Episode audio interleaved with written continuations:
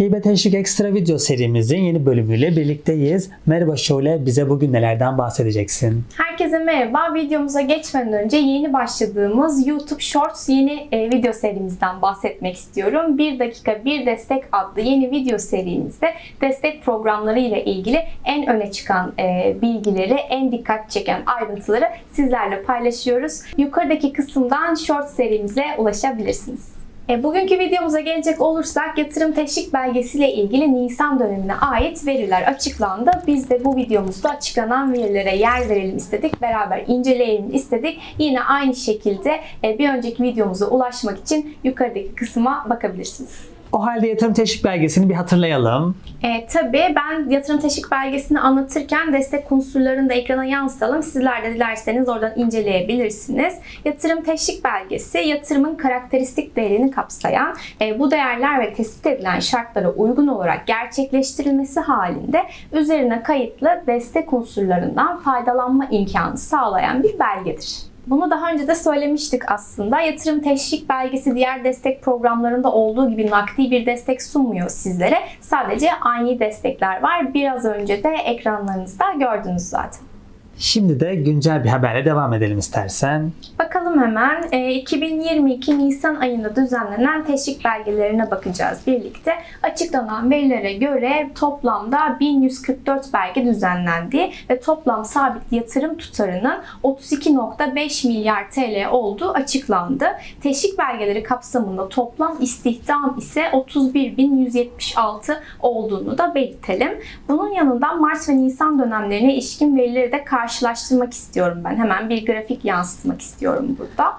Düzenlenen yatırım teşvik belgesi adetine baktığımızda Mart döneminde 971 tane e, yatırım teşvik belgesi düzenlenirken Nisan döneminde bunun e, 1144 adet olduğunu görüyoruz.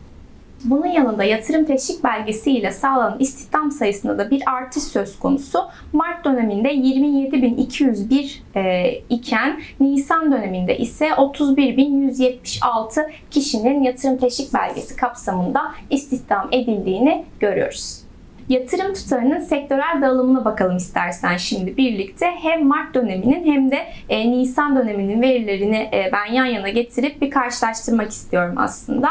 Mart döneminde yapılan yatırımların büyük bir kısmının imalat sanayinde olduğunu görmüştük. Nisan döneminde de imalat sanayinin ilk sırada e, yer aldığını görüyoruz. Enerji, tarım, madencilik ve imalat sektörlerinde yapılan yatırım oranlarında da bir artış görülmekte. Yatırım tutarının destek sınıfına göre dağılım oranlarını da yansıtalım. Mart döneminde açıklanan verilerde en fazla yararlanılan yatırım teşvik belgesi çeşitinin %89.9 ile bölgesel teşvik olduğu görülürken Nisan döneminde de %76.7 ile yine bölgesel teşvik olduğunu görüyoruz. Son olarak da yatırım tutarının bölgesel dağılımına bakalım. Yine Mart döneminde %57.4 ile en fazla yatırımın birinci bölgede olduğunu ve Nisan döneminde ise yine en fazla yatırımın %37.9 ile birinci bölgede olduğunu görebiliyoruz. Bunun ardından Nisan döneminde ikinci bölgede yapılan yatırımlarda da %11.7 oranında bir artış olduğunu söyleyelim.